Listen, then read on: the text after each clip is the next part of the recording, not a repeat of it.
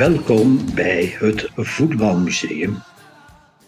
Een podcast met geschiedkundige vertellingen door voetbalhistoricus en schrijver Raf Willems. Vandaag staan we stil bij de 65ste verjaardag van de tragedie van de Busby Babes van Manchester United op 6 februari 1958.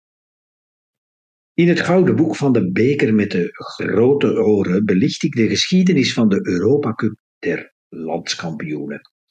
In het seizoen 1957 58 won Real Madrid ook de derde editie, maar die zege zal voor eeuwig overschaduwd blijven door de tragedie van de Busby Babes.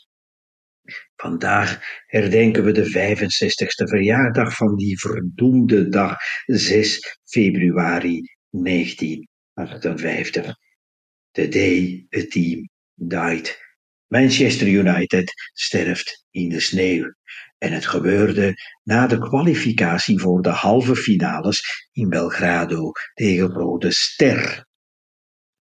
Laten we toch even de sportieve situatie van dat moment schetsen. In de finale zou Real Madrid opnieuw winnen voor de derde keer op rij, 3 op 3 dus, tegen AC Milan met 3-2 op 28 mei 1958 in het Heizelstadion in Brussel. Maar toch stonden voor de eerste keer niet alle spots op Real Madrid gericht dat jaar. Want de wedstrijden tegen Manchester United in de halve finale van het seizoen daarvoor schiepen immers hoge verwachtingen bij de Europese voetbalopinie. Want de Busby Babes tikten in Engeland opnieuw alle tegenstand weg. Landskampioen in 57 met liefst 11 punten voorsprong op de nummer 2 in het twee-puntensysteem, wel te verstaan. La Maquina Blanca, of de witte machine, zo werd Real Madrid genoemd, walste echter gezwind voorbij Antwerp 6-0 in Madrid, FC Sevilla 8-0 in Madrid en Vazas Budapest 4-0 opnieuw in het eigen Estadio Bernabeu, het nieuwe stadion van Real, waar liefst 120.000 toeschouwers voor een record zorgden in de halve finale tegen Vasas Budapest. In die 18-0 in die drie thuisduels, 6-0, 8-0, 4-0, scoorde de wereldverdette van het voetbal, van het toenmalige voetbal, Alfredo Di Stefano liefst acht keer. De finale tegen AC Milan op de Brusselse Heizel groeide uit tot het klapstuk van de wereldtentoonstelling Expo 58. En Real linksbuiten Gento werd de man van de wedstrijd met twee doelpunten, waarvan het winnende tijdens de verlenging. 3-2 Real tegen Milan dus. De Ierse rovers van Shamrock leken doetjes tegen de Busby Babes. 9-2 totaalscoren over twee wedstrijden. En ook Dukla Praag ontving een scherpe oorvijg op Ultra, Old Trafford 3-0.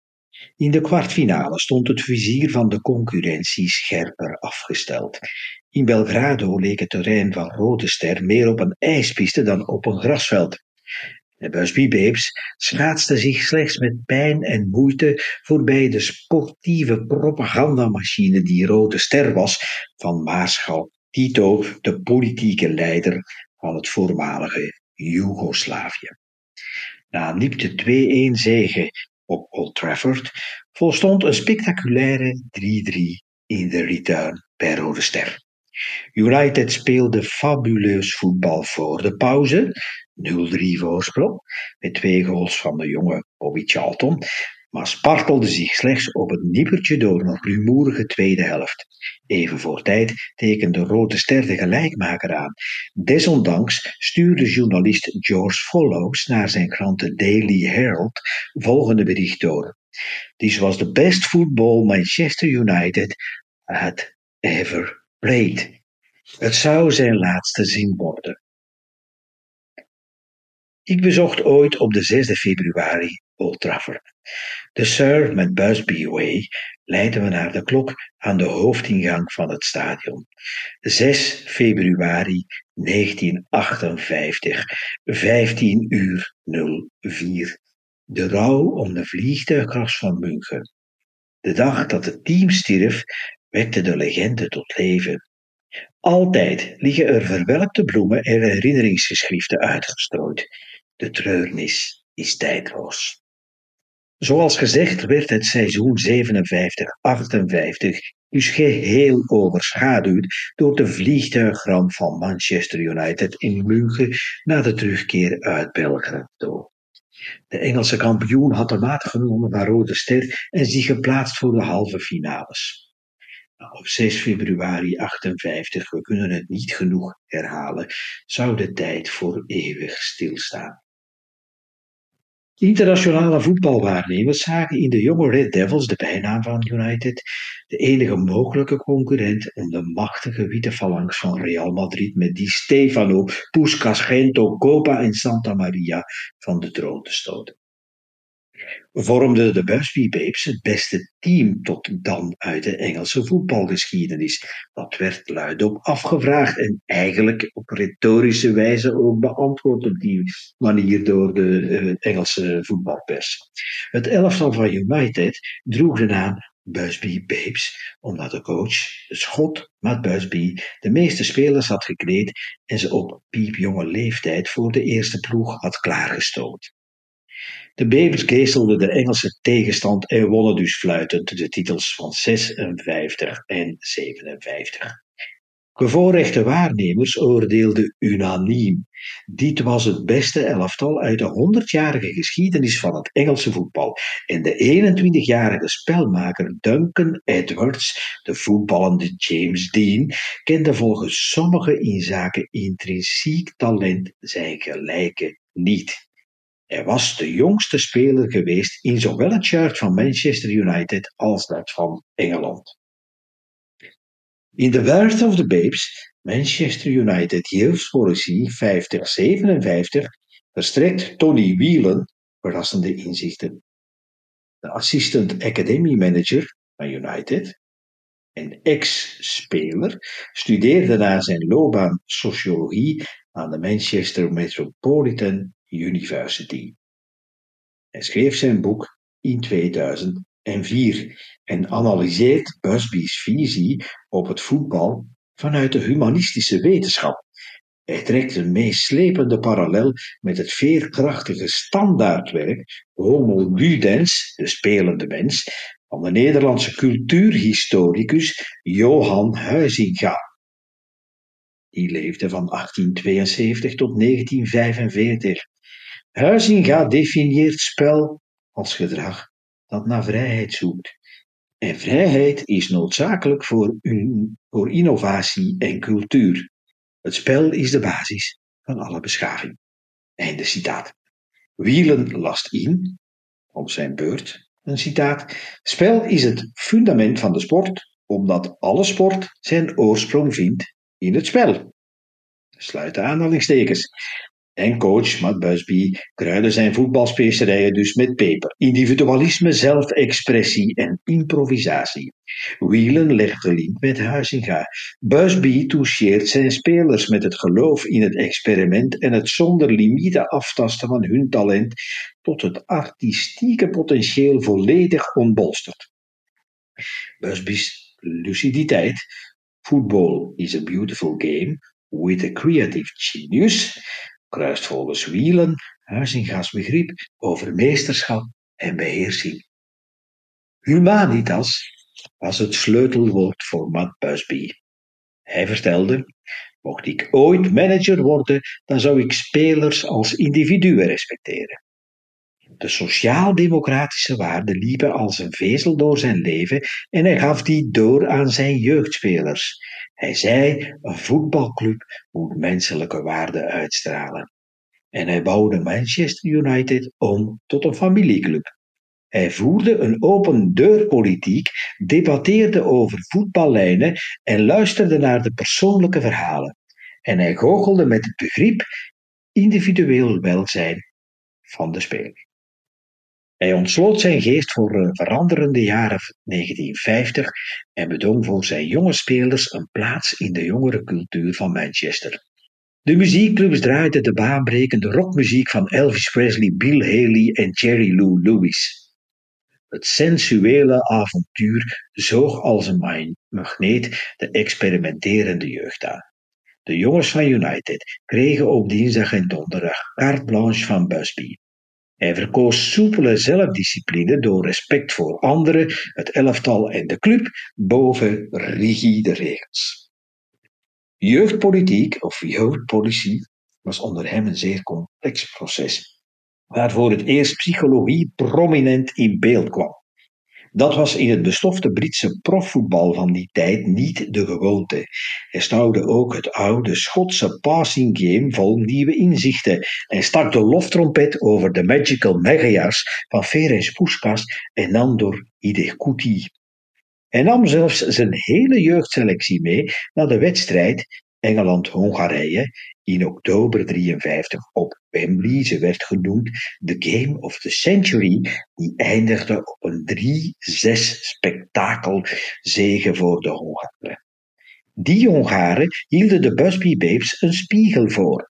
Van 52 tot 57 rolde het wonderbaarlijke Manchester United Youth Team alle tegenstand op, vijf keer de zege in de prestigieuze nationale jeugdcompetitie, waarvan de wedstrijden soms door duizenden toeschouwers werden gevolgd.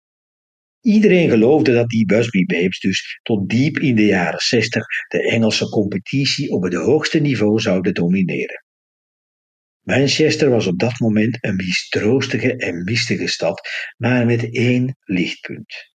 But one shining light was Manchester United and particularly the younger players. Het talent faalde niet. Old Trafford vierde de opeenvolgende titels van 56 en 57. Het is al een paar keer verweld geworden, dat laatste met 11 punten voorsprong. Maar Busby zocht vervolgens Europese roem en opende de aanval op het ongenaakbaar geachte Real Madrid. In 57 strandde United nog in Bernabeu tijdens de halve finale. 3-1 verlies, 2-2 thuis.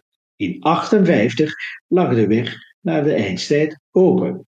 De dramatische crash op het vliegveld van München velde het vermoedelijk beste Engelse elftal van de 20e eeuw.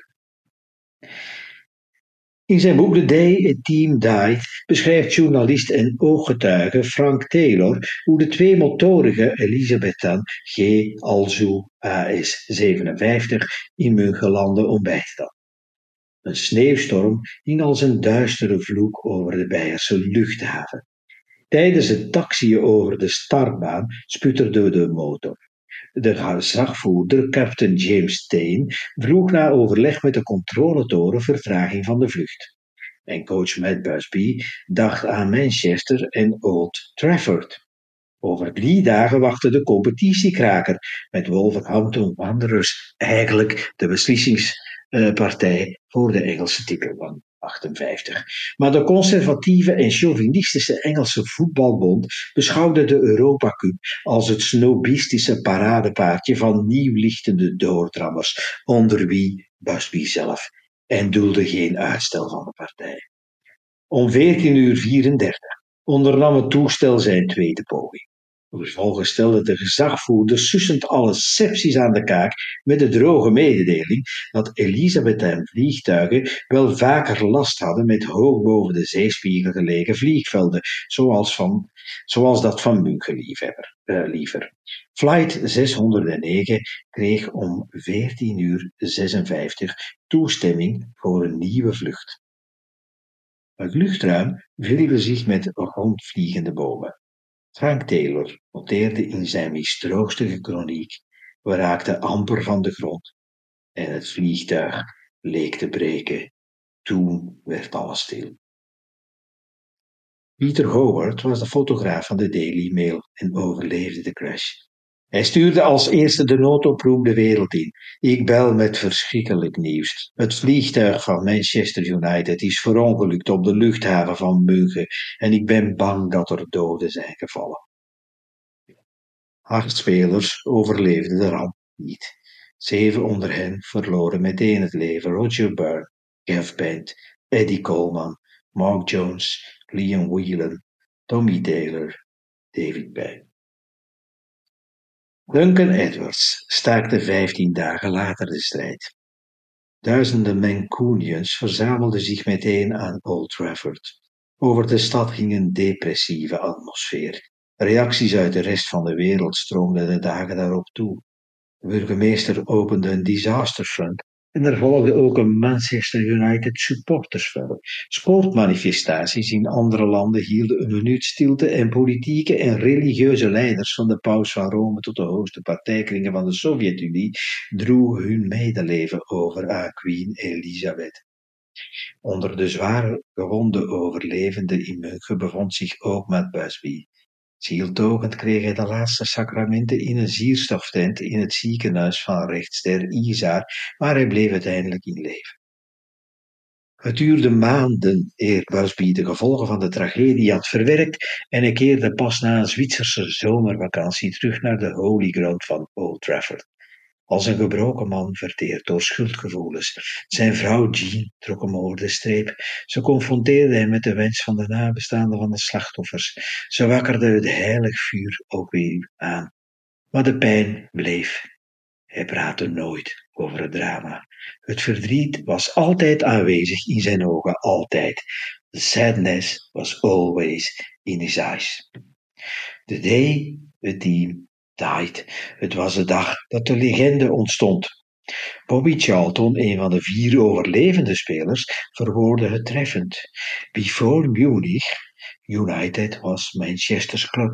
Afterwards, everyone felt they owned a little bit of it. Lees, voor München waren we gewoon de club van Manchester. Daarna leek het alsof iedereen een deel van United wilde zijn.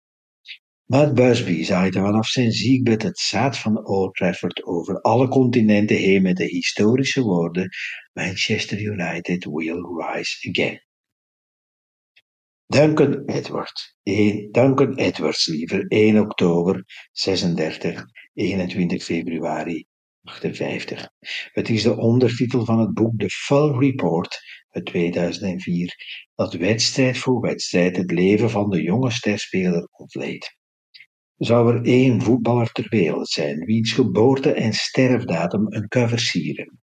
Zonder woorden, wat meer zegt dan welke goed klinkende one-liner dan ook, zou er ergens een voetballer zijn met een glas in loodraam in de kerk van zijn geboortedorp.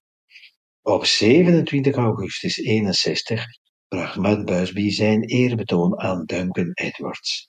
Blauw, rood, paars groen, geel en wit. Met de tekst: Though there, be, though there may be many members, yet is there one body.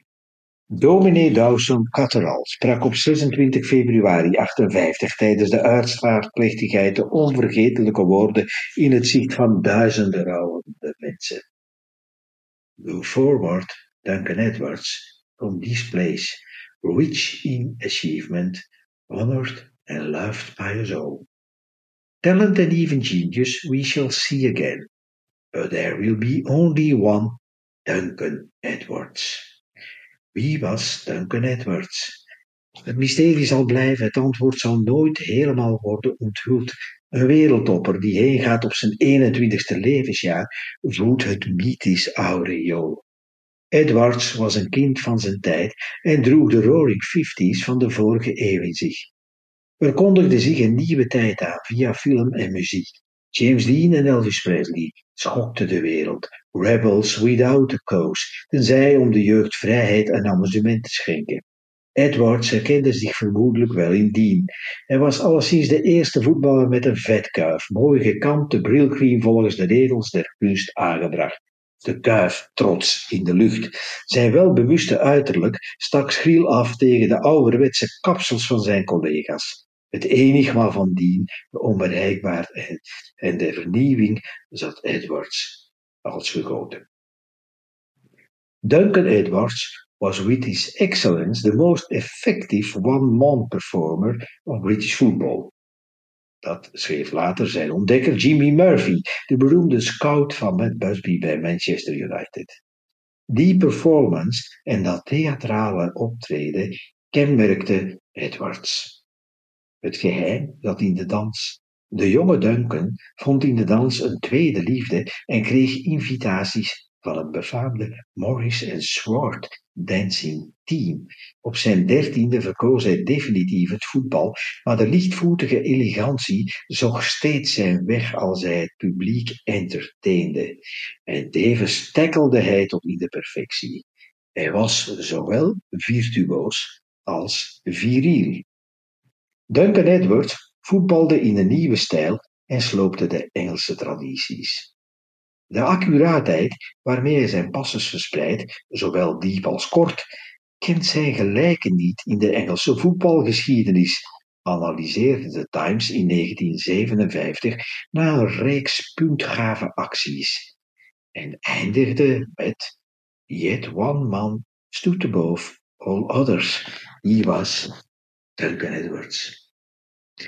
Wat Busby voor op 1 juni 1952 in de avond een taxi om hem van Manchester richting Dudley te rijden. Hij was gealarmeerd door de interesse van Bolton Wanderers. En hij belde aan bij de familie Edwards. Hij lichtte geduldig alle vragen toe.